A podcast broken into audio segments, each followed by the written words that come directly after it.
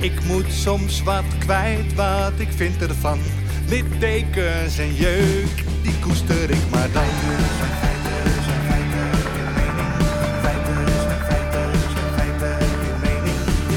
Duidelijk en luid. Riemen vast vooruit,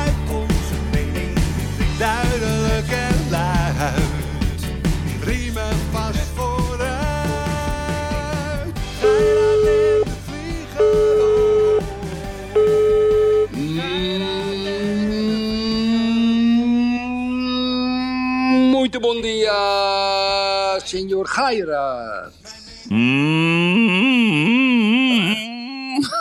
Ja, dat gaat moeilijk, hè? Ik zit hier aan het meest goddelijke koekje, Portugese koekje, wat ik ooit in mijn handen heb gehad. Leg de kapitein eens even uit waar je zit. Kijk, ik zit eh, hemelsbreed, denk ik, op een half uur rijden van kapitein de Vlieger op dit moment. zit eh, hemelsbreed eh 18 kilometer bij me vandaan. Kijk aan. Want ik kijk op, eh, op zee, op de Atlantische Oceaan. Mhm, mhm. Veel vogels hier, dus mooi geluid. Dus ook belangrijk voor Johan Vollebroek. Ja, die, ja, die maakt zich zorgen dat de vogels eh, straks niet meer bestaan. Dus eh, hier, Alleen hier is dat... De vogels vliegen van Oost naar West-Berlijn. Maar ik heb toch een probleem. Hoe Oh. kan het, Erik, dat het hier altijd mooi weer is? Ja, Hoe, kijk. hoe, hoe werkt dat, nee maar even serieus, hè? hoe werkt dat klimaattechnisch? Ja, kijk. Altijd mooi weer. Goedemiddag, goedenavond, goedemorgen, lieve luisteraars. Neem een wijntje, een biertje, een whisky of een kopje koffie. Voor elk wat wils. We gaan er vandaag weer een mooie podcast van maken. Waarom is het altijd mooi weer in Portugal? Nou, dat is het niet. Maar zeker vanaf eh, eind maart tot eh, midden november, begin november... is het gewoon 99% een staalblauwe lucht. Ja. En eh, ik heb op Twitter wel eens gezegd dat. eh, want er is allemaal een hittegolf in Spanje. en er is een watertekort in Spanje. Dat is ook waar. In Cordoba is het verschrikkelijk. En ik heb een beetje ontkend dat het hier in Portugal ook was. Maar er is ook toch wel een beetje een watertekort. als het gaat voor water voor de boeren. Maar ja, voor de rest, Yves. Je, je, maakt het nu mee. Hè? Het Portugese land heeft ontzettend veel nadelen. Daar gaan we het misschien zo nog even over hebben. Want ik heb natuurlijk allemaal waarschuwingen uitstaan bij je. Maar dames en heren, de voordelen die, eh, die zijn ehm, zo legio. Dat het levensgeluk om hier te zijn ja, gewoon meer is. Ja, ik ga graag naar Nederland. Ik ben natuurlijk nog steeds een Amsterdammer. Ik woon in Amsterdam. Ik heb nog bedrijven met de naaimachines. Maar ja, ik ben hier gewoon veel gelukkiger als ik opsta en als ik naar bed ga, Yves. En dat komt Mhm. ook mede door het weer. Ja, nee, dat weer, dat is het gewoon. Dat is niet normaal. Ja, het is meer. Het is geen stoplichten. Die stoplichten, dat ja, moeten we toch eens uitleggen. Kijk, ik, ik hang de theorie aan dat stoplichten de hoofdoorzaak zijn van opstoppingen. Dat klinkt heel tegenstrijdig, maar overal waar stoplichten zijn, heb je altijd files, eh, moet je wachten. Dat is hier, hier dus ook, ongelukken. Je hebt hier heel weinig stoplicht en zodra er een stoplicht ergens is, meteen file. Gekkenhuis. Ja. Ja. Ik vind het heel, heel apart. Ik zou dat wel eens weer onderzocht willen hebben door Rudy Bauma, hoe, hoe hij dat ziet. Stoplichten zijn het fascisme van het verkeer. Ja, oké. Maar goed, het is heerlijk, Erik. En eh, ja, we hebben lekker gegeten met de notaris eh ge- eergisteren. Dat was Ja. gezellig. Mooie Ze zag, er- zag er goed uit, Erik. Zag ze Ja. er. ja. Nou ja, het is een mooie vrouw. Ze kwam net uit het werk. Jullie kunnen Ja. wel zuipen trouwens, zeg. Jezus. Helemaal niet. Nou, je begon al meteen met een Bloody Mary. Ja, en toen één glas rosé en that's it. Oh, het was maar eentje. Nee, want ik Ja. maak me wel zorgen. Want jij hebt natuurlijk mij heel vaak verteld dat de weg van, van Oh, Farao naar Lissabon is één rechte weg. Kan je probleemloos 200 km per uur rijden. Maar de politie slaapt nooit, ook niet in Portugal. Vertel, heren. ga maar even biechten wat er aan de hand is. Ik had zo gehoopt dat je hier niet zou over beginnen. Ja, dames en heren, ik, eh, ik, eh, ik eh, kreeg een aangetekend schrijven. Eerst een, een aankondiging, dat moesten we ophalen bij het postkantoor. Dat was van de eh, República Portuguesa, dus van de regering. En die was gericht aan mij persoonlijk. Ik denk, jezus mine, wat is dat nou wat voor gezeik? Ik zeg tegen mijn lief- lieftallige assistente Claudia, ga dat eens even ophalen. En daar stond dus in, dames en heren, dat als ik tussen nu en zes maanden één eh, snelheidsovertreding maak, dat ik mijn rijbewijs kwijtraak. Gebaseerd op eh, de, het, het laatste flitsmoment dat ik met 214 km per uur eh, opgeschreven ben ergens bij Beja. Dat is precies tussen de Algarve en Lissabon. Ik ging weer naar een van mijn eh, fameuze bankovervallen ging ik doen. En ja, Yves, ik, eh, ik, eh, ik, ik was gisteren ook in Lissabon, dus ik heb gevraagd aan mijn kameraad Jeroen of hij wilde rijden in zijn auto. Want ik ben toch een beetje bang, want als ik mijn rijbewijs kwijtraak, dan moet ik hem opnieuw halen hier. Dus ik vroeg aan de notaris gisteren, dus hoe werkt dat dan? Eh, kan ik dat ook in het Nederlands doen, het rijbewijs? Hij zei, nee, dat kan alleen in Portugees. Maar wacht even, die snap ik niet. Wat is, eh, bedoel je theorie-examen? Ja, Eh, ja. Rijden, rijden in het Portugees is niet anders dan rijden in het Nederlands, toch? Maar, maar the- natuurlijk bedoel ik met theorie bewijs. ja. Dus Ja. eh, ja, ja, ja. ja, dus eh, dames en heren, ik zit in een, eh, in een hele gevaarlijke situatie. Ja. Dus eh, ik heb ook gelijk besloten om de auto waarin ik rijd te verkopen aan mijn vennootschap. Ja. Dat houdt dus in, als ik in mijn vennootschap rij en ik word geflitst, dat ik altijd kan zeggen dat het een van mijn werknemers was. Per brief. Die dat dan ook moet verklaren. Dat is wel een beetje jokken, maar ja, het is een beetje zelfbescherming. Maar ja, Yves, ik moet, eh, ik moet rustiger rijden. Maar hiermee vervalt dan ook jouw stelling van een paar weken geleden in de podcast, waar een aantal luisteraars zich aan irriteerden. Dat die zei, ja, maar kapitein de Vlieger, die zegt, ja, je moet je aan de wet houden, je mag niet te hard rijden. Maar wat blijkt nu, kapitein de Vlieger is een grote zonderaar op alle snelwegen in Portugal. Nee, Dat is niet waar. Niet Oh. waar. Dat is niet, in, Niet alle, nee, gedeelte. zeker niet. Want ik, ik hou me altijd aan het... Ik rij heel rustig. Oh. Zeker hier in de Ja, omgeving. want ik- 214 kilometer per uur is Ik, vrij rustig. ik, ja. ik rij in, in de bebouwde kom heel erg rustig, 40, 50 kilometer. Vind ik lekker relaxed. Ik wil ook niet dat er een kind achter een auto vandaan komt. Dat je per. Dat, dat, dat, dat, dat, is, dat is mijn grootste nachtmerrie. Ook voor mijn eigen kinderen en mijn kleinkinderen. Dus ik rij altijd heel relaxed en heel rustig. Ook op de provinciale wegen. Alleen die snelweg van Algarve naar Lissabon is geen kip te bekennen. Zesbaans weg, helemaal recht. Prachtig mooie natuur om je heen.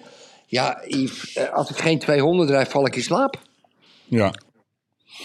Nou, wees voorzichtig, Erik, want het zou zonde zijn. Ja, en eh, dan, dan, dan nog eventjes afsluiten op Portugal. Jij bent er toch, kijk, heb, heb je, je- je weet, ik heb een aantal hele grote ontwikkelingen. Ik heb verschillende vennootschappen. Ik heb 250 man personeel. Wat ik allemaal heb, allemaal, allemaal leuk. Maar Yves, het is heel apart om hier zaken te doen, hè? Je merkt het nu ook, hè? Ja en nee. Ja nee. Oh, ja, Daar heb ik toch een andere theorie over. shoot. Ja, jij hebt Anna ontmoet. Ja. Vloeiend Engels. Mhm. Vloeiend Portugees.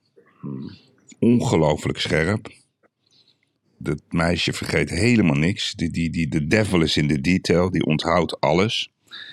Dus het ligt ook een beetje aan aan welk loket je staat. Dus laat ik zeggen, in algemene zin zijn Portugezen... moet je zeg maar één vraag vier keer stellen. En dan als je geluk hebt, dan wordt die gedaan. Maar als er dus eh, Engelse roots in zitten, Nederlandse roots, eh, ook Amerikaanse roots, dan is de kwaliteit beter.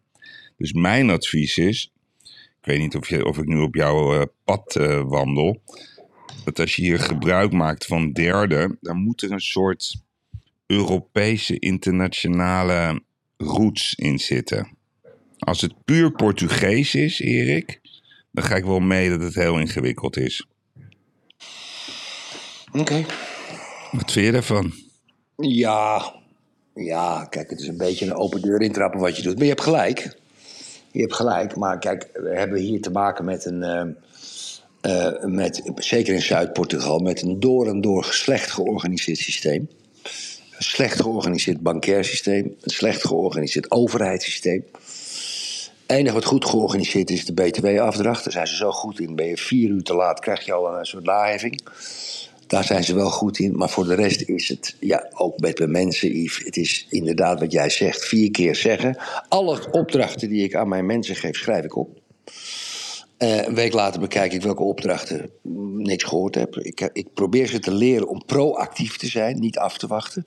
Dat heeft ook te maken met een heel raar hiërarchisch gevoel. Ja, maar dat wil- ze, ze willen die hiërarchie hier. Daar zijn ze heel erg aan Ja, dat is prima. Ja. Dat is prima. Eh, da- daar, daar floreert een Portugees ook goed onder. Ja. Daarom waren ze 100 jaar voor de Nederlanders hadden ze de wereld veroverd. Omdat ze een heel strak hiërarchisch systeem hebben. Mm. En een Portugees gedijt goed als je heel duidelijk bent. Je moet heel duidelijk zijn. Maar op het moment als het woord improviseren erbij komt, kan je het vergeten. Ja, nee, dat klopt. Maar wat ik zelf het lekkerste vind, het is- ik heb elke keer het idee dat ik. eh, Ken je die auto nog van Back to the Future? Dat je in die Ja, auto zit en dat je dan op een knop drukt. Ik heb het Ja. gevoel dat ik hier gewoon 30 jaar terug in de tijd ga. Ja, ja dat is ook zo. Ja, Ja, en dat, zo. en dat bevalt mij buitengewoon goed. Ja, ja, mij ook. Ja, ja, ja, Ja. mij ook. Want ik, ik, ik, ik, laatst ook, reed ik door die Zuidas in Amsterdam. En toen dacht ik, ja, waar, waar is dat eigenlijk allemaal goed voor? Al die, Ja. die gebouwen, ja, jij bent voor Ja. hoogbouwen. Maar ik, ik weet niet, ik hou daar gewoon van, Erik. Van dat simpele koffietje voor een eurotje. Ja, Dat de, Ja. de, de, de, de, de, de eigenaar van de koffiebar geeft je nog een hand.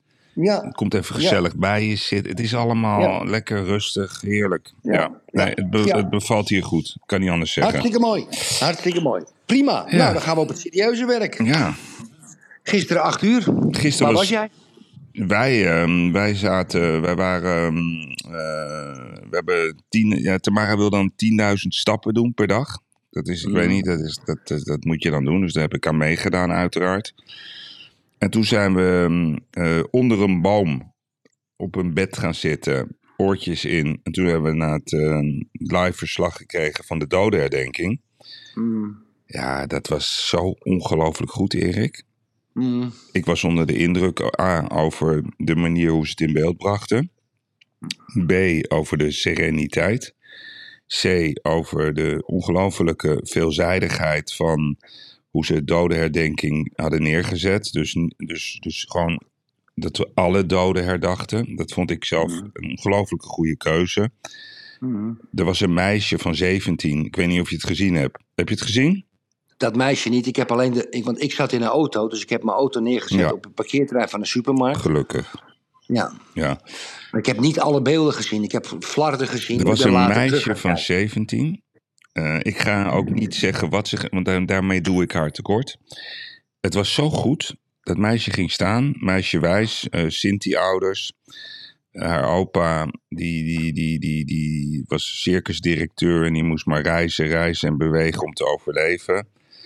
Dat was zo indrukwekkend. Ik, ik moest, Mhm. ik, het, het raakte me enorm. Eh, Tamara ook. Het was prachtig. Ik vond de hele dodenherdenking, ehm, de manier hoe onze koning en koningin opkwamen, de manier hoe iedereen sprak, de rust ook die er was, geen geschreeuw gelukkig. Ik vond het heel erg waardig. Het gaf me een gevoel van eh, trots van oké, gelukkig kan het ook nog op een normale manier eh, in Nederland. Ik vond, ik vond het echt heel erg indrukwekkend. Heel mooi ook. Ja, ja, kijk Yves, ik heb dat stukje, hè, de voor en de na die acht minuten, heb ik even samen met de notaris afgedraaid. Op de Dam. En, en we hebben gekeken. En ik denk, nou, iemand met andere ogen. Kijk, ik heb natuurlijk de dodenherdenking eh, zeg, bewust eh, 50, 55 keer meegemaakt. En ehm, zij kent de Dam ook. Hè? Eh, Als je in Amsterdam is, dan gaan we eens met de tram naar het Centraal Station. De Dam is natuurlijk één groot lawaaierig gekkenhuis. Ja. De Dam brak er ook in. Eh, en, die- en de straten ernaast. Ze zegt, hoe is het mogelijk? Ik hoor nog ineens een auto Ja, in het centrum van de hoofdstad van Nederland. Hè, ze eh, weet hoe druk het is. Er is. Waar winkels zijn, cafés, bars, alles. Mensen. eh, Ze zegt, ik, ik hoor helemaal niets. En dat vond zij het ongelooflijk indrukwekkende van het. ja. Mooie vogel. Ik wil luisteren naar de vogels ja, bij ik jou. hoor hè. het, ik hoor het. Nee, het was fantastisch. Ik, ik weet nog tien jaar Ja. geleden of zo, ik weet niet precies hoe lang geleden het is. Gingen wat van die Marokkaanse jongens voetballen met kransen.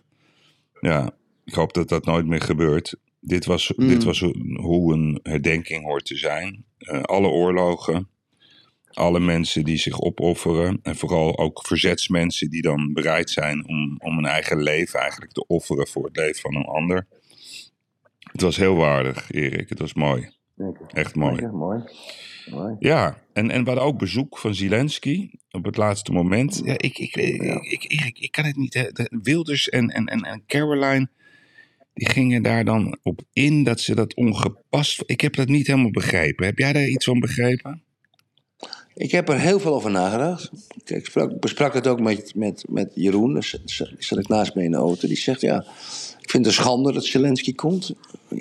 Ik zeg, waarom dan? Ja. Hij zegt, nou, omdat het vandaag dodenherdenking is. Maar, maar waarom is dat dan een schande dat het vandaag dodenherdenking is? Dat hij dan komt? Ja, ze kapen, ze kapen on- onze dodenherdenking. En dat was natuurlijk ook een beetje van Wieberen van Hagen, Caroline en, en Geert Wilders. Ehm, buiten het feit dat je een mening kan hebben waarom Zelensky komt, vond ik het totaal niet storend dat hij er was op, op 4 mei. Ik had dat ook niet even. Ik helemaal niet. En, en, en daarnaast is dodenherdenking is om acht uur. Kijk, 5 mei, hè, vandaag, dat is echt een, eh, de, de hele dag. Hè, dat is bevrijdingsdag. Dus daar kan ik me nog wat over voorstellen. Dat 5 mei eh, een, een dag is die je kaapt. Maar dit is pas om 8 uur. Zo'n reis. Ja, dat wordt op het allerlaatste moment wordt dat geboekt. Zelfs nog, Erik, als hij in de lucht zit, is het nog niet zeker dat hij gaat landen. Dus, dus, dus dat wordt pas op het laatste moment be- bepaald. Dus dat is ook een knappe prestatie van, eh, van de Nederlandse beveiligheidsdienst. Hoe ze dat allemaal vlekkeloos hebben geleid. En dan heb je in Rusland een presentator die gaat dan even op YouTube roepen dat eh Zelensky is in Nederland en dat hij gedood moet worden. Ja, ik bedoel, het is, het is tuig. Het zijn criminelen die, die, die, die dat roepen. Ja, Ja. Ik, het, ik begreep het echt niet. Want hij kwam gewoon zijn verhaal doen en, en uitleggen hoe belangrijk het is dat, dat waarom je moet vechten tegen geweld, tegen criminaliteit, tegen beschietingen, tegen alle vormen van eh, gebieden innemen. Ja, ik bedoel, de lijst is te lang. En hij vindt ook Poetin moet berecht worden in Den Haag bij het internationale strafhof. Ja, ik vind dat ook. Ehm, dus ik, ik, Ik, niet, maar dat is een ja, dat kan. Waarom vind jij van niet trouwens? Ja, dat, dat zal ik je uitleggen. Dat zal ik je uitleggen. Kijk, de schuldigen aan deze oorlog. En dan moet je het zien als een grote pizza. Ja? Ehm, daar is een heel klein stukje is, eh, is, eh, is eh, de NAVO schuldig. Een ander stukje is de EU schuldig. En een ander stukje is Oekraïne zelf ook schuldig. En het grootste stuk vind ik echt is, is de schuld van Poetin. Want die, ja, die, die is gewoon mensen aan het vermoorden in Oekraïne. Punt. En die stuurt ook 100 tot 150.000 Russische jonge jongens, mannen, eh, de dood in. Voor een conflict wat een aantal mannen niet op kunnen lossen. Dat neem ik ze kwalijk. Ja, neem ik ze kwalijk. Maar eh, ik, wil, ik wil met mijn land eigenlijk niet in een eh, globalistisch conflict van die mannen getrokken worden. Eh, waardoor ehm, ehm, er, er constant maar geëscaleerd wordt. Daar hebben wij het ook vaak over gehad. Yves, je kan dat niet met mij oneens zijn, dat heb je vaker gezegd. Wij advocateren een de-escalatie. Niet zoals Guy Verhofstadt de hele dag door, maar oorlogstaal aan het bezig is. En als je nu gaat roepen, als je nu gewoon gaat roepen, ja, Poetin moet berecht worden. Wij weten allemaal dat dat onzin is. Het is onder geen voorwaarde, ja, ook als Poetin wordt afgezet, dat Poetin uitgeleverd wordt aan het straf, internationale strafhof in Den Haag. Dat weten we. Dus degene die dat zegt, ja, dat is hetzelfde als jij zegt, nou, ik wilde 100 meter in 9 seconden lopen. Ja, zeg ik, Yves, dat wil ik ook. Ja, maar dat is onzin om dat te zeggen. Dus als je toch een klein beetje wil de-escaleren, ja, dan moet je dat niet zeggen. We moeten toch uiteindelijk, en dat kan niet anders met deze wilde hond, ja, moeten we aan een onderhandelingstafel komen. Dat kan niet anders. Je kan namelijk nooit van Rusland winnen. Je kan ze misschien tijdelijk uit de Donbass gooien. Misschien kan je de Krim nog aanvallen als je allemaal F-16's erbij hebt. En gaan ze raketten sturen en dan moet je Rusland eigenlijk binnenvallen. Dat willen we niet, want we willen geen totaal kriek. Dus ik vind het een totale onzin, ook van jou op dit moment. Dat je daar eigenlijk achter staat dat mensen dit zeggen. Ja. Dat moet je niet doen. Ik wil de-escaleren. Ja, ik ook. Eh, ik, Ja, denk- ik denk iedereen. Nou, niet punt. Kijk, eh Xi Jinping, hè, daar hebben we vorige week al een keertje over gehad. Die heeft nu voor het eerst, wat, wat mij verbaasde, eh, afstand genomen, of zeg maar gezegd, het is agressie wat er plaatsvindt vanuit, door de Russen. Waarop alle Russen de harde kern riepen, zijn dit onze vrienden, de Chinezen. Dus om de een of andere manier is, is uh, Xi aan het draaien. Aan de andere, andere Hmm. kant, tuurlijk, deescaleren, praten, altijd beter. Maar de, ja, it takes two to tango. En de vraag is natuurlijk, Erik, je kan wel zeggen, ja, ik wil niet in een oorlog getrokken worden. Dat wil ik ook niet. Maar vind jij het een morele plicht om landen die toch bij ons in de buurt zitten te steunen als ze zo massaal worden aangevallen? Dat is de kernvraag natuurlijk. Vind je wel of niet dat wij daarvoor bereid moeten zijn om offers te maken? Of dat we, zeggen, dat we wegkijken, dat we denken, ja, dit is not in my backyard, zoals uh, Wilhelmina dat ooit zei in de oorlog. Ja, Appels en Peren, de podcast van Willem-Alexander, dat snap ik allemaal. Die heeft het gezegd, dat zijn overgrootmoeder. Daar doe jij op, dat hij dat een beetje onbegrijpelijk Ja. vond. Dat ze niet communiceerden. Maar kijk, je stelt allemaal vragen door elkaar. Nee, ik stel Ja, één vraag, Erik. Ik, nee, nee, nee, nee, nee, nee. Ik stel jou één vraag. Moeten we wegkijken en zeggen, ja, de- wij willen daar niet in getrokken worden? Of moeten we bereid zijn om wel, op welke manier dan ook, een steun te geven? En dan kom je er niet onderuit om mee te doen ook aan wapendeals. Met, met als risico dat je onderdeel wordt van het probleem. Dat is de kernvraag. Yves, ik, heb, ik, ik kom op mijn oude stokpaardje terug. En dat, dat is allemaal misschien egoïstisch. E- e- Eerst mijn kinderen, dan mijn familie, dan mijn straat, dan mijn dorp, dan mijn provincie, dan mijn land, dan mijn continent en dan de wereld. Weet je, kijk, ik heb, ik heb, ik heb altijd een bezwaar gehad dat de NAVO oprukte 20 jaar geleden, 25 jaar geleden, Gorbachev tijd, toen ze aan Rusland beloofd hebben, we laten de NAVO niet oprukken. Toen is daar Polen, Hongarije, Roemenië en Bulgarije bijgekomen, waarbij Rusland een beetje omsingeld, bijna omsingeld werd. Nou moest Oekraïne er ook bij komen. We hebben daar zelfs in Nederland nog een referendum over gehad. Uiteindelijk is de NAVO ook aan het drukken om de Oekraïne als het ware bij de NAVO te trekken en het in te lijven. Ja, en dan heb je die beer, die Rusland heet, en natuurlijk met een wilde hond aan het hoofd. Ja, een hele vrede man die zijn eigen mensen oppakt. en Geen democratie en oppositie gaat de gevangenis in. Een volslagen levensgevaarlijke gek. Die ook niet het eeuwige leven heeft. Ja. En dus ik wil niet. Ik, ik wil niet. Ik, ik had het prima gevonden. als de Donbass bij Rusland was gebleven. en de Krim bij Rusland blijft. Hè, de eerstvolgende 30, 40, 50 jaar. Ik vind dat prima. Rusland is niet met een opmars bezig om West-Europa te veroveren. Dat is hij niet. Poetin hoeft niet gestopt te worden omdat hij het Westen aan wil vallen.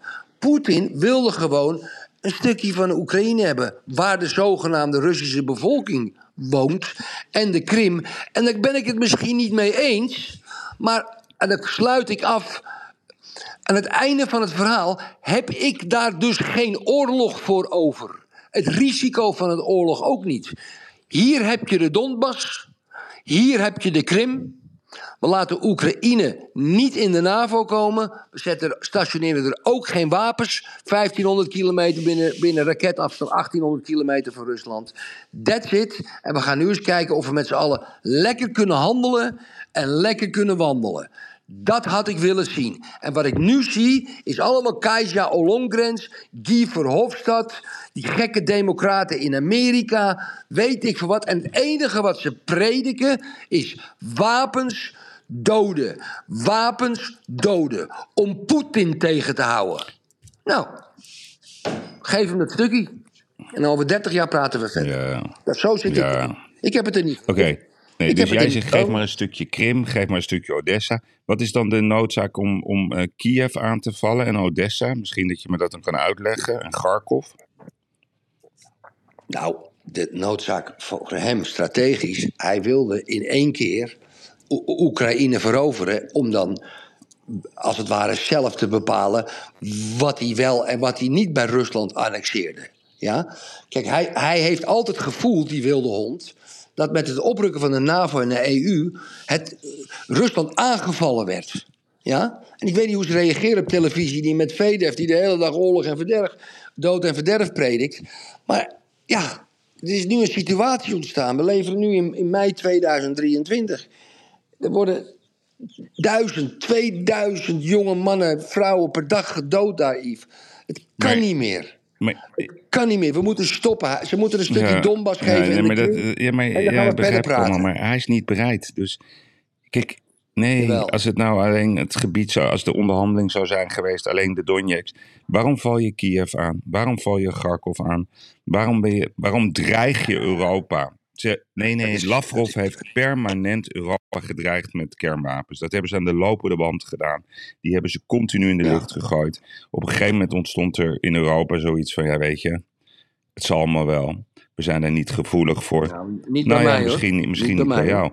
Alleen als je niet bereid bent, Erik, om pijn te lijden, om uiteindelijk eh, zoete eh, appels te eten, dan krijg je oorlog. Je moet bereid zijn om consequenties te nemen. En je moet ook bereid zijn om dingen te doen die je niet wil. Om dit, om dit soort Nee, mensen te stoppen. Nee, jij jij, jij, vindt eigenlijk, laat, laat Poetin Nee, maar ik zijn ga gang gaan. Dat is wat jij vindt. Nee, ja, maar dat is een belachelijke, maar ook een belachelijke conclusie, Yves Geirat. Maar Nee, je echt zegt belachelijk. Nee, ik zeg dat helemaal niet. En ik laat ook die woorden niet in mijn mond leggen en ook niet de conclusies in mijn mond leggen. Maar wat vind je dan? Dat doe ik niet. Kijk, wat, nee, nee, Ja, maar dat ja, heb ja, ik ja, net ja, ja, uitgelegd. nee. Ik heb helemaal geen zin om risico te nemen dat een wilde hond, wilde hond met, met, met atoombommen... nee, eh, dus? eh, eh, Dus laat hem maar zijn gang gaan. Nee, ha- handel dat Ja, af. dat- Geef hem de ja, Donbass, laat hem de maar dan moet hij toch bereid zijn om het af te handelen? Die is, daar is hij niet. Tuurlijk is hij daartoe Nee. bereid. Want anders val je niet Kiev aan. Anders ga je niet het Westen dreigen met Tuurlijk kernwapens. val je Kiev aan. Je moet toch de, je moet toch de verdediging uitschakelen? Of de, de, de, de, de aanval als het ware uitschakelen. Als je de Donbass inneemt. Dat is niet waar. Dus je gaat gewoon, je kan waar, gewoon voor- random. Dus jij wilt, jij wilt eigenlijk een stukje Vlaanderen ehm, toe-eigenen. Dat vind je hoort bij Nederland. Ja, Dus ach. ja, ik kan nu ook over wortelen gaan Nee, praten. dit, Yves. wat, nee, maar Ik Erik, je wortelen. verbaast mij hierover. We hebben hier al, al, al een half jaar geleden ook een discussie over gehad. Je, je, je hebt het over oorzaak-gevolg. Daar ben ik het nog met je eens over. Daar, daar zijn we het over eens. Over oorzaak-gevolg. Zo, Nee, zo, nee, daar zijn we het over zo. eens. Maar dat betekent niet dat je dan, als je je zin niet krijgt in de oorzaak-gevolgsituatie, dat je maar even een heel land gaat innemen en onschuldige burgers random gewoon raketten gaat eh, afsturen. Je eigen mensen gewoon, gewoon per dag gewoon de loopgraven instuurt. Het interesseert je niet dat je legers inschakelt onder leiding van, pro, ik weet niet hoe die man heet, eh, het Wagner-leger. Dat je die, die, die, Ja, die Kadirov, die laat je gewoon filmpjes de wereld insturen hoe ze Oekraïners gewoon opvreten, vermoorden, doodschieten. Als je dat accepteert als westers land, dan sta je niet achter de westerse waarden. En ik ben tegen oorlog. Ik haat de oorlog. Het is, het is nergens goed voor. Maar je kan niet kijken en toestaan dat deze man op deze manier, met al die, al die affiliates die hij heeft, geprobeerd heeft überhaupt om zo'n heel land ten onder te laten gaan. Voor zijn eigen macht. Dat kan niet. Dat kan niet. Je moet slim zijn.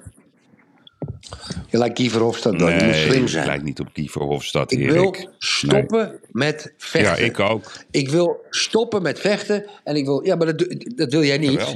En ik wil stoppen met het risico. Dat als ik weer zo'n imbeciel in Moskou op de televisie hoor. Of zo'n imbeciel als Medvedev. Die voormalige president. Ja, die, dan gaat, die dan gaat dreigen met atoombommen. Ik wil dat helemaal Nee, niet. dus dan bel je op en dan zeg je: Ik wil, ik Daar heb ik alles niet. voor over. Daar heb ik alles voor over. Ja, ik ook. Maar ze luisteren niet. Nee, ja, helemaal niet. Ze luisteren niet, Erik. Er is nooit. Natuurlijk wel, als je zegt, hier heb jij de, hier heb jij de Donbass en, en, en, en, en, en hier heb je, eh, hou die Krim lekker, dan gaat Poetin weg hoor. Ja, Wordt er geen raket meer afgeschoten als je dat zegt. Geen raket. ik heb het niet gezien. Ja, heb je die drone wel gezien die ze op het Kremlin gooide? Ja, die heb ik bekeken, die beelden. Dat is geen drone. Dat is geen drone. Dat is geen drone, ja. Dat is weer Nee. bedacht om weer een, eh, een nieuwe Ja. aanval te rechtvaardigen. Zo ver gaat dat gedrag. Ze bedenken drones. Binnen drie kwartier hadden ze hun antwoord klaar. Binnen drie kwartier, Erik. Het was weer een, een, een, een truc om te bedenken waarom ze weer ergens een eh, gebied in Oekraïne konden aanvallen. Ik weet niet wat er gebeurd is met Poetin. Ik ken, ik ken Poetin niet op deze manier. Ik ken de Russen niet op deze manier. Maar ik denk dat, eh, dat zelfs de Chinezen nu tot de conclusie zijn gekomen: dit, dit, dit kan niet, dit moet stoppen. En de vraag is naar wie die gaat luisteren. Niet, niet naar jou, dat zeg ik je wel. Zou die wel moeten, dus gauw opgelost. Dat gaat hij niet doen. Maar goed, die, die drone, hè, Eh, goed, dat, kan, dat, dat heb ik natuurlijk die beelden bekeken. En, maar, maar dat is gewoon een soort vuurpijltje. Die Ze hebben gewoon iets in elkaar geflanst, Erik. En dan denken dat de mensen gek zijn. Eh, paniek, ze weten het Ja, niet meer. Ze weten het niet. Mhm. Het is paniek. Paniek. Mhm. Maar goed, Oké, nou, dat, eh, dat, hebben we niet, dat kunnen we niet oplossen. Wat we ook niet op kunnen lossen is dat eh, Richard de. Mos eh, lekker in het eh, strafbankje blijft zitten. heel, heel slap van het OM. Kijk, Wat nou ja, dit is een officiële eh, handeling. Hè? Dus als ze niet nu in hoger beroep ga- gaan, dan, dan ontnemen ze zichzelf het recht om dat nog te kunnen doen. Dus dat is hun standpunt. Ze zeggen, ja, we moeten even vanuit formeel oogpunt het hoger beroep instellen, want we hebben meer tijd nodig om het dossier te lezen. Nou, Dan is mijn vraag, hoeveel keer moet je dat dossier nog lezen om tot de conclusie te komen dat je het helemaal fout hebt gedaan? Mijn, mijn, mijn, mijn notities, Yves, zijn precies hetzelfde. We als zijn het hier notities. over eens. Ja. We zijn het Ja, erover we zijn het eens. erover. Kijk, nou, kijk, weet je, het Openbaar Ministerie, dames en heren, eigenlijk in die officiële verklaring zei ze, ja, we moeten het vonnis nog beter bestuderen. Nou, dat vonnis, dames en heren, dat kan je in één uur lezen. Gewoon in één uur. Nou, stel je moet, het vijf keer lezen, ben je een hele dag kwijt. Dan kan je dat vonnis sturen naar tien adviseurs, een landsadvocaat, drie eh, interne juristen nog eens. Dan, dan zeg je, jongens, lees dit nou eens goed, dit vonnis. En laten we nou eens, het is nu donderdag, maandag, met z'n allen afspreken of we het ermee eens zijn. Nee, wat zeggen zij? We moeten het vonnis nog beter bestuderen. Dat houdt dus in ja, dat het wel politiek Ja. gedreven is. Want je kan mij niet vertellen dat je niet binnen twee weken kan beslissen... ja, op basis van het vonnis gaan we een hoger beroep instellen. Dit is dus politiek gedreven. Het bewijs. Maar dan kom ik op de volgende vraag. Hoe hoog is dat politiek gedreven? Kijk, de meeste mensen die hier beslissingen over nemen... zijn medewerkers van het Openbaar Ministerie... het ministerie van Justitie in Den Haag... Het zijn mensen die wonen in Den Haag en omstreken. Dat gaat maar een beetje het grootste gedeelte wel. Die weten dus dat een groot gedeelte van de kiezer op code oranje en Richard de Mos heeft gestemd. Zij klaarblijkelijk niet.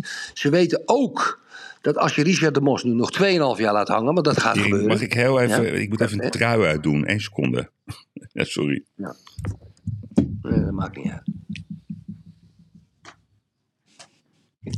Heb je er wat wel Wat? onderaan? Heb je wel wat onder die trui of niet? Ja, ga door.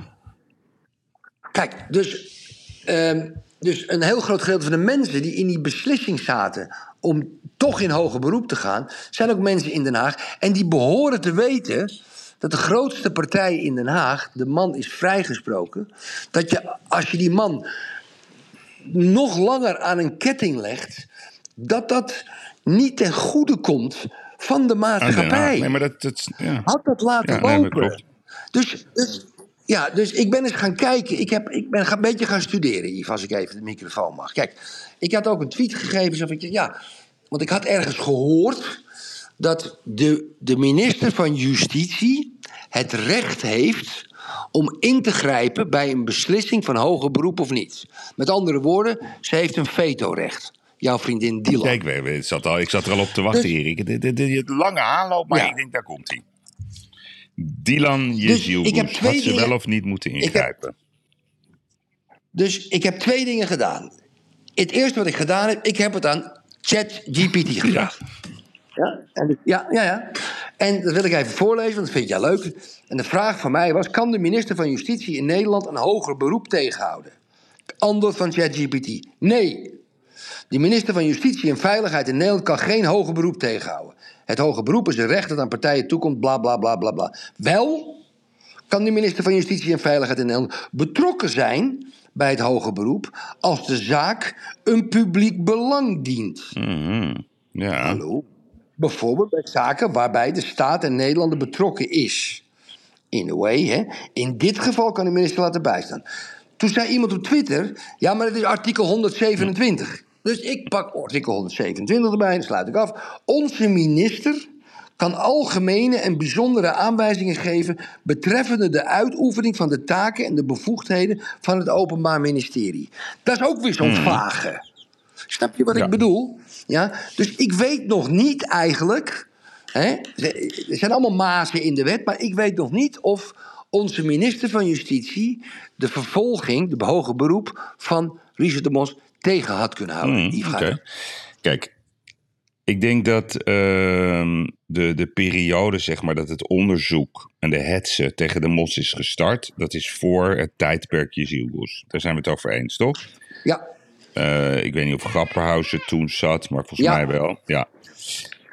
Ik denk dat wij ook tegen elkaar kunnen zeggen dat de, de keuze om de mos te volgen, ehm, om zijn leven zeg maar onmogelijk te maken.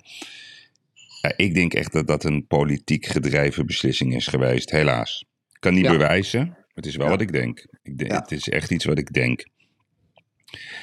Het feit dat dan de rechter eh, zo hard heeft geoordeeld, is best fijn. Dus dat eh, geeft ook het gevoel van: oké, we hebben gelukkig nog een rechtsstaat die dat dan overruled.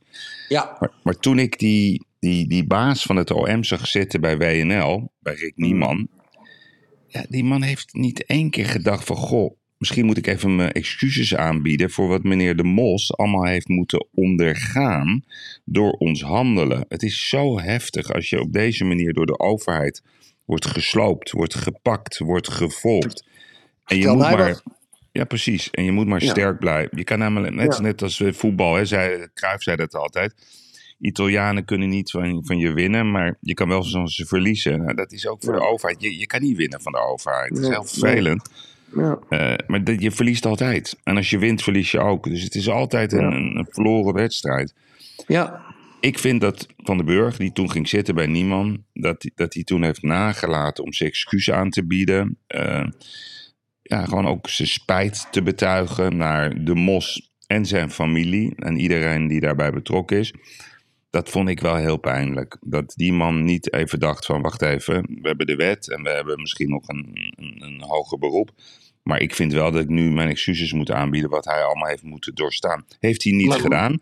Maar die Ja, man is de eindbeslisser. Ja, en dat is de eindbezin. Dan begrijpen we dus zijn kompas. Dus dan Ja. vindt hij zijn eigen gelijk relevanter dan het rechtssysteem. En ook de pijn die een publieksvertegenwoordiger, die gewoon democratisch is gekozen in Den Haag door de meerderheid. Ja.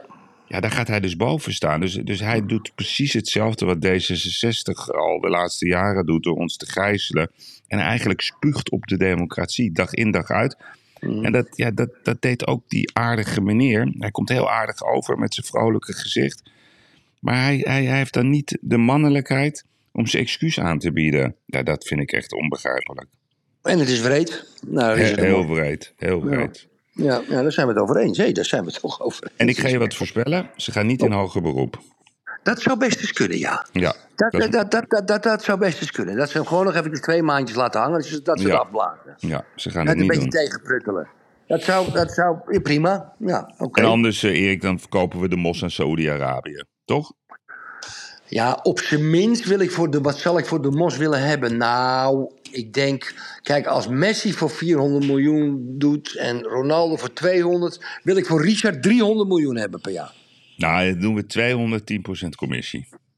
Ja, Laten we niet Die over. we. Ja, die delen we. Ja. Hey, ja, taart, taart delen is niet moeilijk, hè? hey Erik, wat, wat een bedragen, joh. Waar, waar halen ze dat geld vandaan? Vier, ja, die, die luisteraars. Het is echt waar. Messi kan 400 miljoen per jaar verdienen in Saoedi-Arabië. Door daar Ja. tegen een balletje te trappen. Op Eventjes 35-jarige leeftijd. ja. Kijk Yves, daar moet ik toch even een kleine eh, extra, extra nuance in aanbrengen, dames en heren. Het is een voetbalclub en die heet Al Hilal. Oh, Hilal. Al Hilal, ja. ja. Nou, kijk, Al Hilal, ik had er persoonlijk nog nooit van gehoord. Die willen dat Messi komt voetballen voor 400 miljoen in de Saoedische Pro League. Maar kijk, volgens mij, volgens mij is het gewoon een kwestie van een tiental mannen in witte jurken die niet naast elkaar durven te staan. En te zeggen, nou, laten we allemaal ons lul uit onze broek halen. Of onder onze jurk vandaan halen. Wie heeft de langste lul van ons tienen?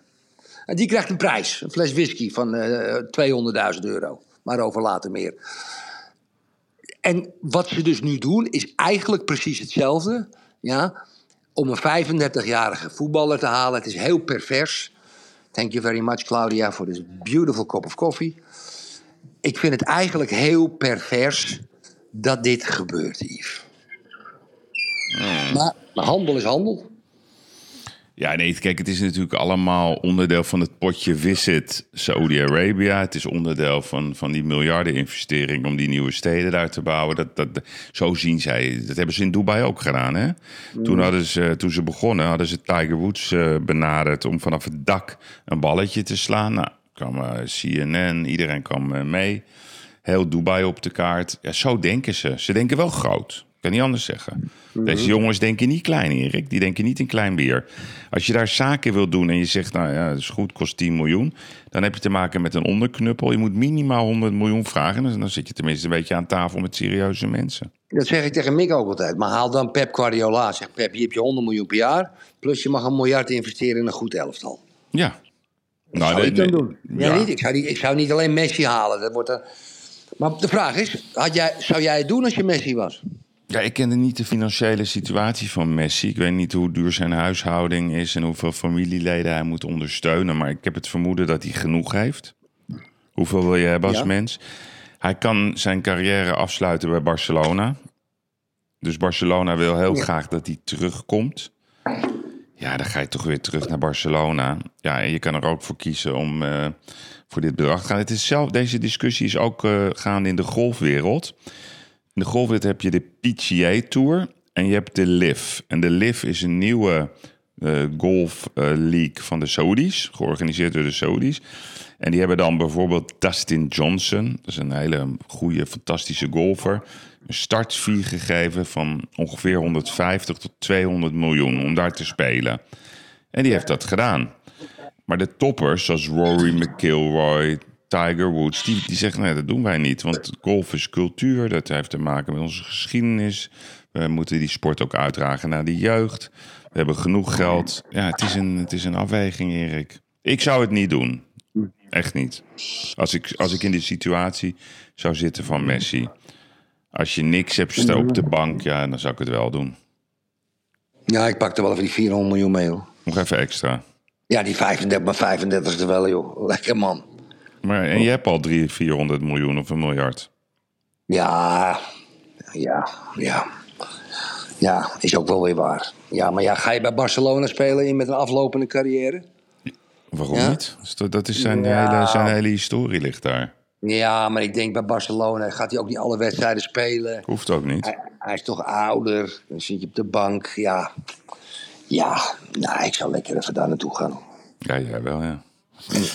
Oké, okay, nou zullen we even kijken wat de verrekijker ons te melden heeft? Hartstikke idee. komt ie. De verrekijker. De Nederlandse topsport kent zo zijn nachtmerries. En niet alleen bij Ajax. Met dank aan het belabberde bestuurlijke niveau.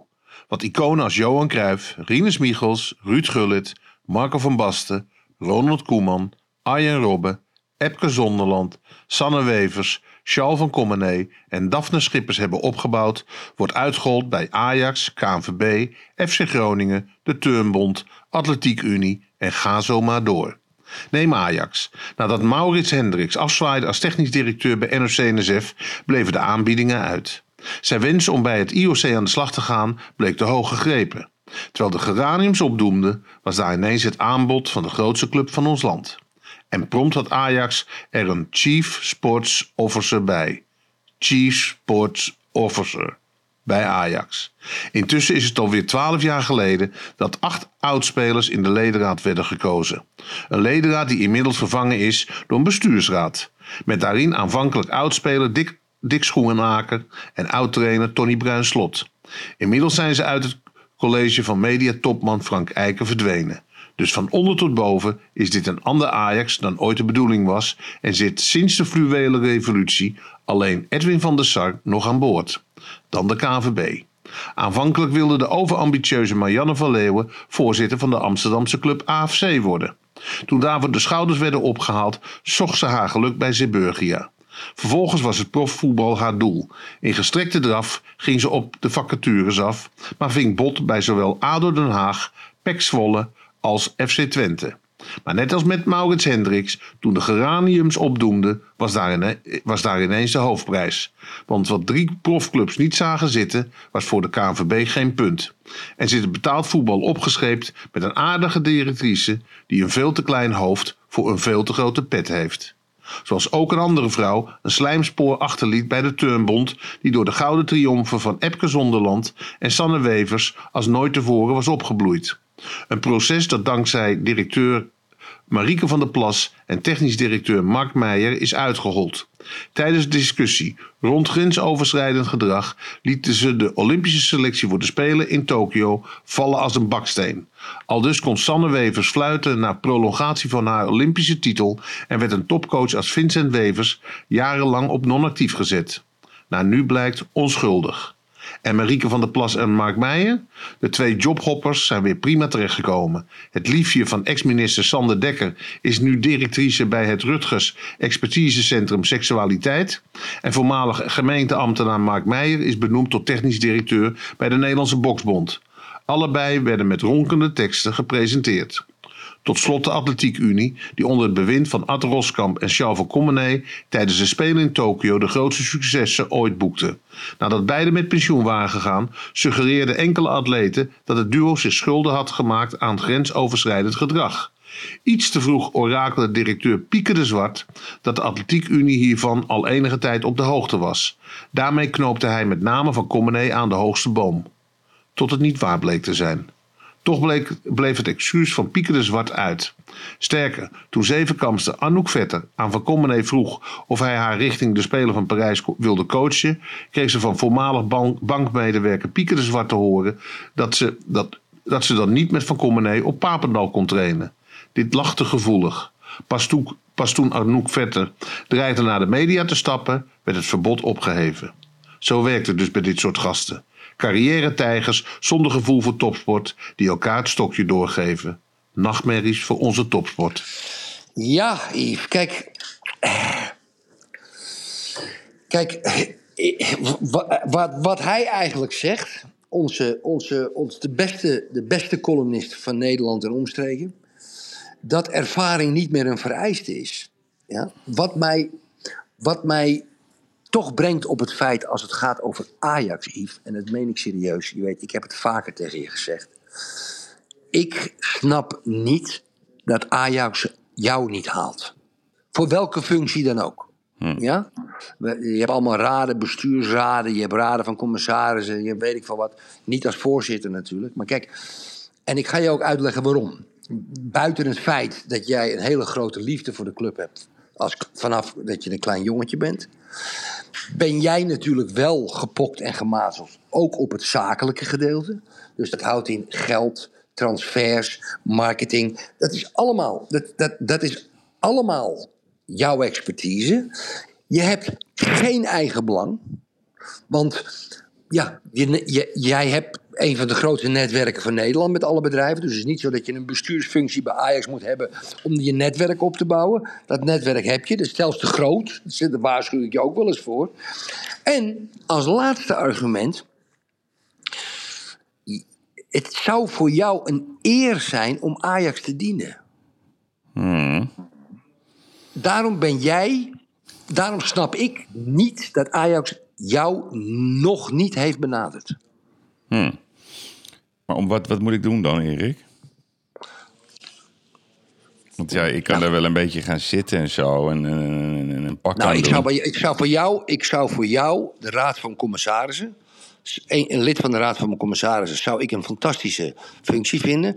Waarom de Raad van Commissarissen? Omdat de Raad van Com- Commissarissen alle zakelijke deals, eh, eh, als het ware, controleert. Een veto-recht heeft, et cetera. Hmm. Ja, Volgens mij. dat klopt. Nee, juist, Ja? juist. Het houdt in dat, dat die debiele transfers die ze doen. eh, misschien wel grote marketingdeals, eh, eh, essentiële beslissingen over het stadion. Die, die een langere impact hebben van, nou, bak een beet, laat ik hem houden tot een scope van 10 jaar. Jij doet niet anders de hele dag. Jij, jij, jij hebt toen een hele slechte periode gehad. Ja? Net na mijn slechte periode, zelfs tijdens. 2007, 2008, 2009. Ja? Zoals Ajax dat nu ook heeft. Je hebt je schouders gerecht. Ja? Je hebt het afgeschud wat er is gebeurd. Tenminste, niet helemaal. En je bent gewoon weer aan het werk gegaan, maar dan in de verbeterde versie. En jouw bedrijf, om je eerlijke waarheid te vertellen, ziet er honderd keer beter uit dan jouw bedrijf 20 jaar geleden. Terwijl, je ook, terwijl je misschien nog groter was 20 jaar geleden, 15 jaar geleden. Was jij nog eigenlijk groter. Met je magazines en je dit en je weet ik wat. En je plannen en je Rusland en in China. Had je beurzen en weet ik veel waar je allemaal mee omging internationaal. Dat, was, dat zou een honderden miljoenen, misschien wel half miljard zou je waard worden. Dat is niet gebeurd. Maar je verdient nu wel meer geld. Omdat je precies gepokt en gewazeld bent. In de periode dat het je slecht ging. En dat neem je mee. En dat is precies hetzelfde waar Ajax zich nu in bevindt. Jij bent de perfecte man voor Ajax. En dat meen ik serieus. Nou, dat is heel lief. Kijk, er zijn twee dingen. A, kijk, wat, wat, wat Jaap zegt, ehm, is eigenlijk wat er in de politiek gebeurt. Je kan niks Overal. Ja, overal. Nee, maar goed, het is, het is dus alles wat zeg maar gerelateerd is aan die bestuursfuncties, KVB, NOC, NSF. De zes, Schiphol. Schiphol, ja. Even tussendoor Schiphol. Ik was, het was perfect. Het was heel druk. We, stappen, we gingen vroeger naartoe. Ik denk, nou neem een uurtje speling voor het geval dat. Het was zo druk en het liep allemaal perfect. Waarom? Omdat er nu sprake is van een boots on the ground mentality. Ik ga een shout-out doen naar kapitein Kers. Dat is de baas van TUI. Die gaat gewoon vijf uur s'nachts op, het schip, op Schiphol staan en kijken of zijn klanten goed worden behandeld. Als je kapitein Kers belt en je hebt ergens een reis met hem geregeld en er loopt iets niet op rolletjes, regelt hij het ook. Dat is een bedrijf hoe ik vind dat ieder bedrijf georganiseerd moet worden. Je doet het voor de klanten en er zijn geen plannen. Het staat niet in het draaiboek. Het draaiboek is de praktijk. Nou, en wat, wat, Boek, boek bij TUI Nederland, dames en heren. Zo is het. Vandaag de kapitein Kers. Maar wat, wat Jaap zegt is, is, is wat, wat wij zien. Hè? Dus, dus Pechtold, eh, Buma, eh, straks ook Kaag. Weet je, ze komen allemaal in dat baantjescircuit terecht. En elke keer Melkert, beste voorbeeld. Die, die werkelijk afgeschreven was onder de grond. Nou, die zien we nu weer opduiken als de baas van de ziekenhuizen. Die komt overal weer terug. Dus eenmaal in dat circuit kom je er niet meer uit. En wat krijg je ervoor terug? Totale middelmaat. Dat zien we in de sport. Als je nu kijkt naar Ajax, Erik. Die kruifrevolutie die is ingezet met het DNA van Ajax. Waarbij ik toen vond dat Cruijff heel vreed ging. Maar ik moet je eerlijk zeggen dat ik hem daar eigenlijk wel in begrijp achteraf. Ik begrijp het eigenlijk wel, want anders dan kan je nooit die, die muren breken. En wie, wie hebben nu bij Ajax de leiding, Erik? Maurits Hendrik. Die is alles naar zich toe aan het trekken. Die is dan de CSO. Ik weet niet wat dat is. Die loopt op die club als een soort, soort Napoleon, Napoleon, Napoli, hoe zeg je dat? Ik kan het niet uitspreken. Als een soort Napoleon. Ja, als een soort Napoleon. Ik ben hier de nieuwe baas. Die Mislinat, niemand begrijpt Mislinat. Die zit uren tegen Heitinga te lullen. Hij heeft geen idee wat hij tegen hem zegt. Dan gaat hij het vragen thuis ja, of het vertaald kan worden. Nobody knows. Het is allemaal data-driven. Ja, Ja, maar kan je met die mensen werken, Yves? Want je moet, je moet er wel mee werken dan. Dat weet je pas in de praktijk. Alleen de verhalen die ik hoor van echt mensen van binnenuit. En dat zijn geen roddelaars. En het zijn ook geen mensen die willen dat dat in de krant komt. Ik noem ook geen namen daarom. Ja, die zijn verbaasd. We zijn weer terug bij af bij Ajax. Ja, Erik, we zijn weer terug bij af. Je hebt een, een, een, een- een raad van bestuur die alleen maar woke-beleid wil, wil hanteren. Het moet allemaal netjes. Met Overmars, Erik. Weet je, had gewoon met Overmars in de kamer gezeten. Je bent een lul. Je bent gewoon een lul. En je gaat gewoon een boete betalen aan dat meisje. Vakantie, horloge. Je koopt een tas.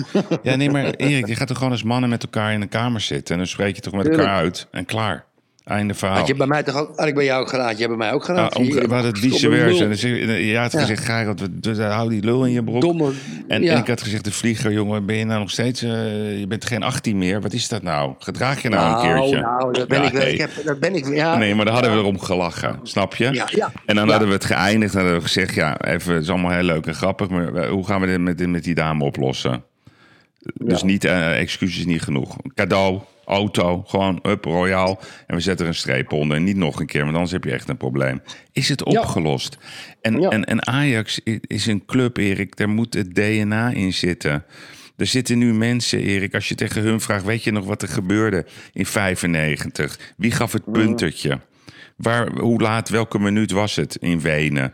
En naar wie rende Kluivert als eerste toe? Wat deed hij met zijn shirt? Wat deed Rijkaard?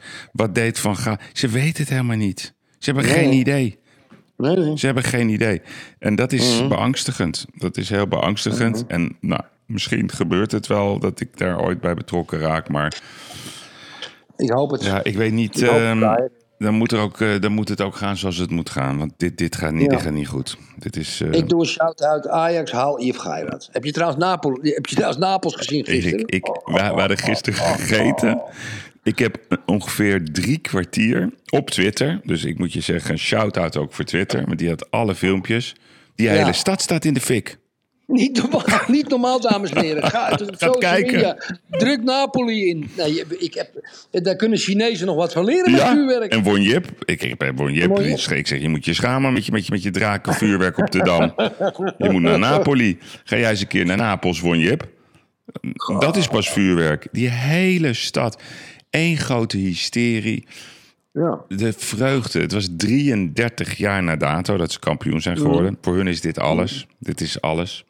Er wonen daar in die, in die regio 3 miljoen mensen. Nou, die waren volgens mij allemaal, niet één uitgezonderd, de straat op gegaan. Al die 3 miljoen mensen hadden vuurwerk. ja. En iedereen had minimaal net zoveel vuurwerk als Won Jip afsteekt op één feestje op de Dam. Dus maal Ja, 3 met miljoen. Nieuwjaar. Ja, ja, ja. Maar ja, ik, heb, jij niet, heb jij niet gebeld met Frans Timmermans over de uitstoot? Ja, en ik, dat, dat, dat is toch een probleem. Want ik heb wel een sms'je gegeven aan Rob Jetten. Ja. Ik zeg Rob, we moeten nog meer, eh, nog meer eh, windmolens op de Noordzee plaatsen. Want dit gaat niet goed. Nee. Hè?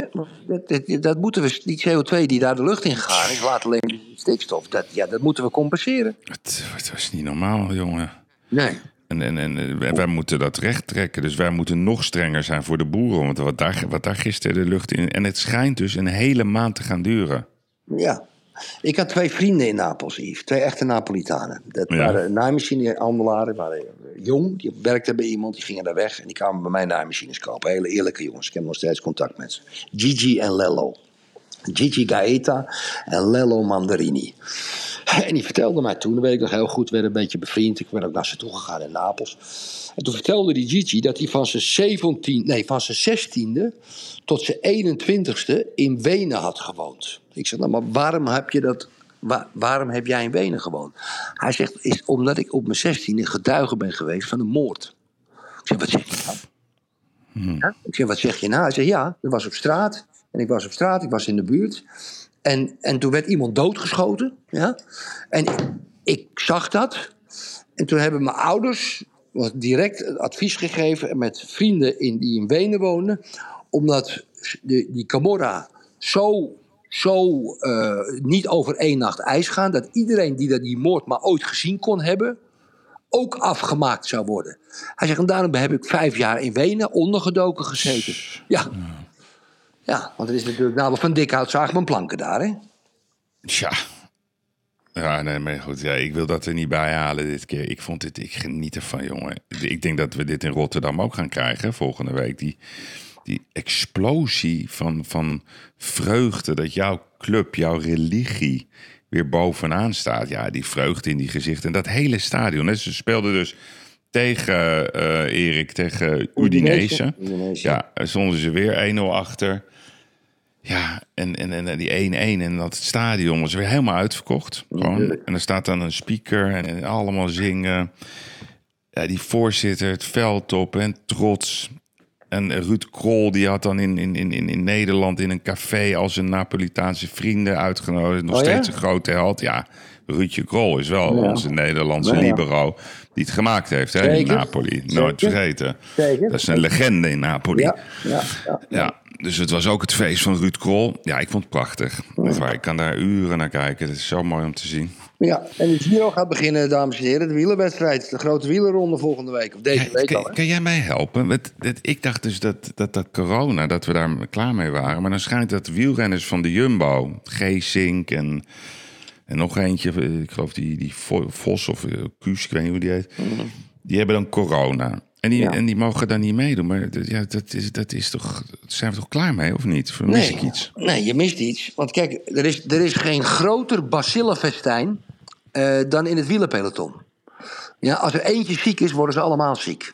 En je zit op de fiets. Ze gaan trainen, die mensen van Jumbo. Ja, en, en ja, dames en heren, ik weet niet of jullie die namen allemaal kennen... maar die Jos van Emden, ja, die, die, was, die, was, die was vervanger aangewezen van Robert Geesink. En, en, en ene Tobias Vos... die gaan natuurlijk op een trainingskamp met z'n allen. Die fietsen met z'n tien en twaalf achter elkaar. Eentje hoest en iedereen heeft corona. Ja, maar, ik snap dat wel. Ja, maar, snap ja, maar dat is dan een griepje. Ja, ja, Ja, maar dit was vroeger was het toch ook zo? Je ging toch niet als je griep had eh, met z'n allen naar huis?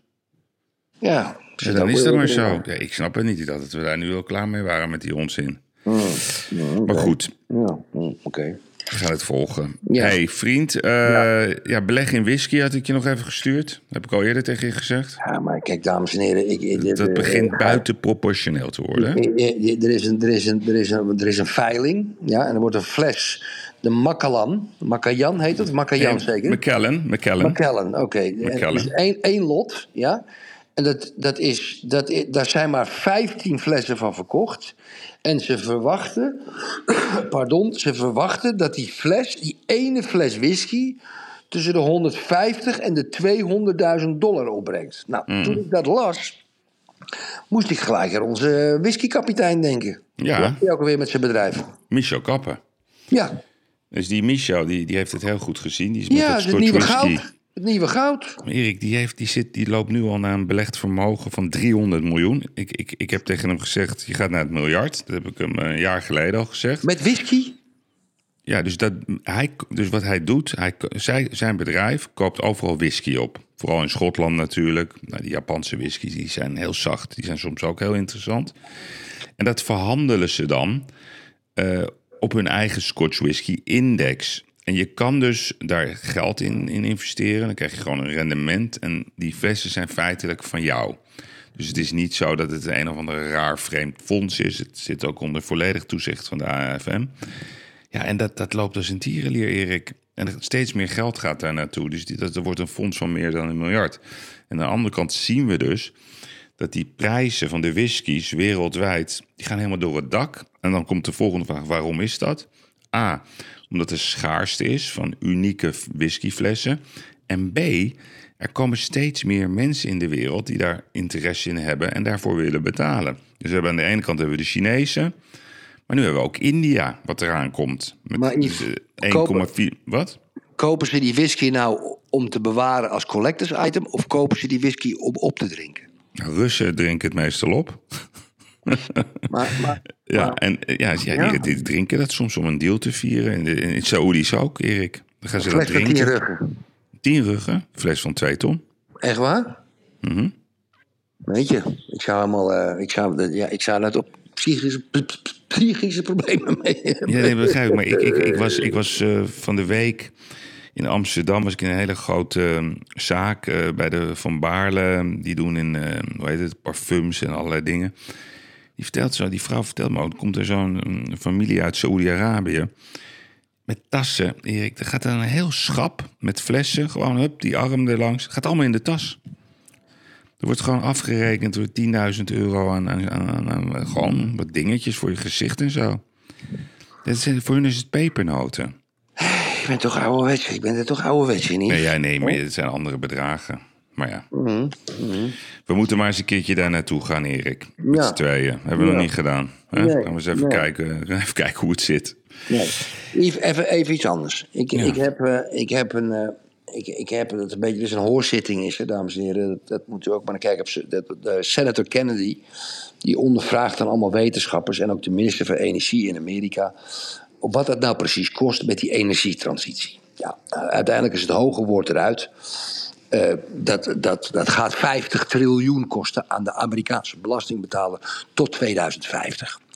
En die minister van Energie, dat is een soort zeer te groot, Rob figuur die kan daar geen uitsluitsel over geven hoeveel, hè, hoeveel we de temperatuur daarmee kunnen beïnvloeden, omdat Amerika maar 13% van de uitstoot in de wereld veroorzaakt. Maar wel 50 triljoen. Nou, dat houdt dus weer in, als ze dat gaan doen, dat gaan ze natuurlijk doen ja, terwijl ze het niet uit kunnen leggen, is dat de Amerikanen, de Amerikaanse treasury, nog meer geld moet bijdrukken, waardoor die rente waarschijnlijk weer gaat stijgen. Gisteren hebben we mevrouw Lagarde gezien, mm. de Europese Centrale Bank, het gaat weer met 25 basispunten omhoog.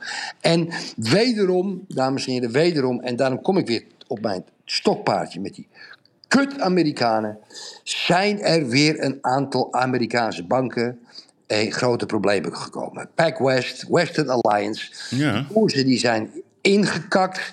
Dat, dat die Californische, dit is een Californische bank, PacWest, die ging bij de opening hard onderuit. Nou is het zo, en dat, de, ik, ik, kom zo bij de afsluiting van mijn verhaal. Dames en heren, onze banken in, in Europa in principe staan onder een grote controle middels de Basel III-akkoorden van de Europese Centrale Bank. Dat ze een bepaald gedeelte eigen vermogen aan moeten houden. Die Amerikanen hebben daar gewoon weer helemaal scheid aan gehad. Aandeelhouders, directeuren, raden van bestuur hebben weer met bonus en alles helemaal hun zakken gevuld. En nu is er weer heel langzaam een soort kettingreactie op gang gekomen. Net zoals in 2008, ik zeg niet dat we die crisis krijgen, in de kredietcrisis, waarbij Lehman Brothers omviel. En dat zorgde voor een enorme implosie in de Amerikaanse financiële wereld. Wat uitgezaaid is over de hele wereld. Die Amerikanen, die kut-Amerikanen, die leren het nooit, Yves. Hmm. Ja, nee, dat klopt. Dus geld beleggen in whisky. Nee, die Amerika... Ja, ja, misschien wel. Maar kijk, ja, maar het is... Nee, maar ik vroeg vorige week aan jou... Ja, moeten we ons zorgen maken over die banken. Ja, er zijn er nu weer twee erbij, Erik. Ja, Amerikaanse banken. Ja, weet ik. Ja, maar de vorige keer begon het ook in Amerika... met die, met, met die short, uh, hoe heet dat, uh, short posities op die hypotheken. Ja. Ja, dat is het allemaal aan elkaar verweven. Dat weet jij ook. Soms, soms weten die pensioenfondsen niet eens waar ze in zitten. Nee, nee dat, weten ze helemaal niet. Nee, dat weet ik ook niet. Nee. nee. Ja, opletten, dat is ons advies. Gewoon blijven opletten. En niet alleen dat, maar die rente gaat weer met een kwart procent overhoog. Ik, je weet wat ik gisteren gedaan heb, dames en heren. Ik heb gisteren een van de grootste deals gedaan in mijn carrière. Uh, die nog uiteindelijk uit kan lopen. Het is die bewuste grote deal waar ik vier, vijf maanden geleden al over praatte. Ja, en uiteindelijk zal ik daar ook een kredietbehoefte in hebben van tegen de 100 miljoen aan. Ja, Zeg het maar. Hè? Nee, een procentje is 1 miljoen extra rente per jaar. Nee, maar laten we wel eerlijk zijn. Een rente van 4%, als dat de rente is... dat is een hele normale, gezonde rente. Ik ben, ik ben een enorme voorstander... Euribor? Euribor. Die banken moeten ook wat verdienen. nee, nee, nee, niet Euribor. Gewoon zeg maar de marktwaarde. 4, 5% marktwaarde, 2,5% Euribor. Dat is helemaal prima. Dat vind ik gezond. Ik, ik ga je in de reden vallen. Wat bedoel je met marktwaarde? Nou, dat, dat, dus als jij als bedrijf gewoon wil lenen, dat je tussen de 4 en de 5 procent betaalt. Eh, dat is niet meer zo, Yves. Is, is niet meer zo. Nee, het, is nu weer meer aan het worden, maar dat is de rente waar ik in geloof. 4, 5 procent. Ja, maar ze hebben hem weer gisteren met 25 basis. Voor mij is hij nu 3,85. Dan wil zo'n bank ook nog verdienen 150 Nee, dan wordt het 5,5, 6 procent. Begrijp nee, ik? het wordt gewoon 6,5, 7 procent als we ja, uitkijken. Nee, dat vind ik code, code rood. Oranje. Oranje, ja, klopt. Ja. Ja, nou. Code oranje. Oké, Erik. Ik, ik ga jou, uh, want ik ben een beetje bang. Um, omdat ik zit namelijk op een andere plek en mijn telefoon begint zo een beetje um, op het einde van zijn oplaadcapaciteit okay. te zitten. En dan ben ik bang nou, dat hij uitvalt. We hebben alles wel behandeld, lieve vriend. Ik vond het leuk en uh, ja. ik ga lekker zo de zee in, als je het goed vindt. Ah, het ziek idee. Ik spreek je vanmiddag nog, ouwe. Dag lieve luisteraars. Fijn Dank jullie wel voor het luisteren. Fijne dag. En een vooral fijne bevrijdingsdag, Erik. Het is bevrijdingsdag. We vieren ja. de vrijheid. Vierde vrijheid vandaag in al zijn nee, facetten. Nee, nee. 4 mei herdenken we de doden. En 5 mei vieren we dat al die Duitsers zijn omgekomen, toch? Nee, we vieren de vrijheid, Erik. Laten we het positief houden vandaag. Ja, wat is er nou met je humor? We vieren de vrijheid in al zijn facetten. En ik weet bij jou, als ik bedoel in al zijn facetten, dan weet ik hoe jij dat ziet. Hartstikke idee. Oké, dank jullie wel. Bye bye. Bye bye.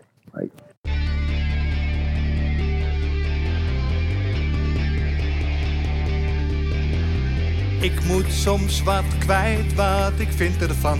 Littekens en jeuk, die koester ik maar dan.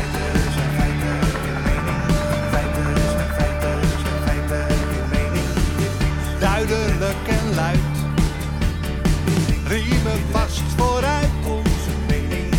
Duidelijk en luid. Riemen vast vooruit. Geiraat en de vlieger, oh, oh. Geiraat en de vlieger. Ik moet soms wat kwijt. Mijn mening. Meer dan 80 jaar ervaring.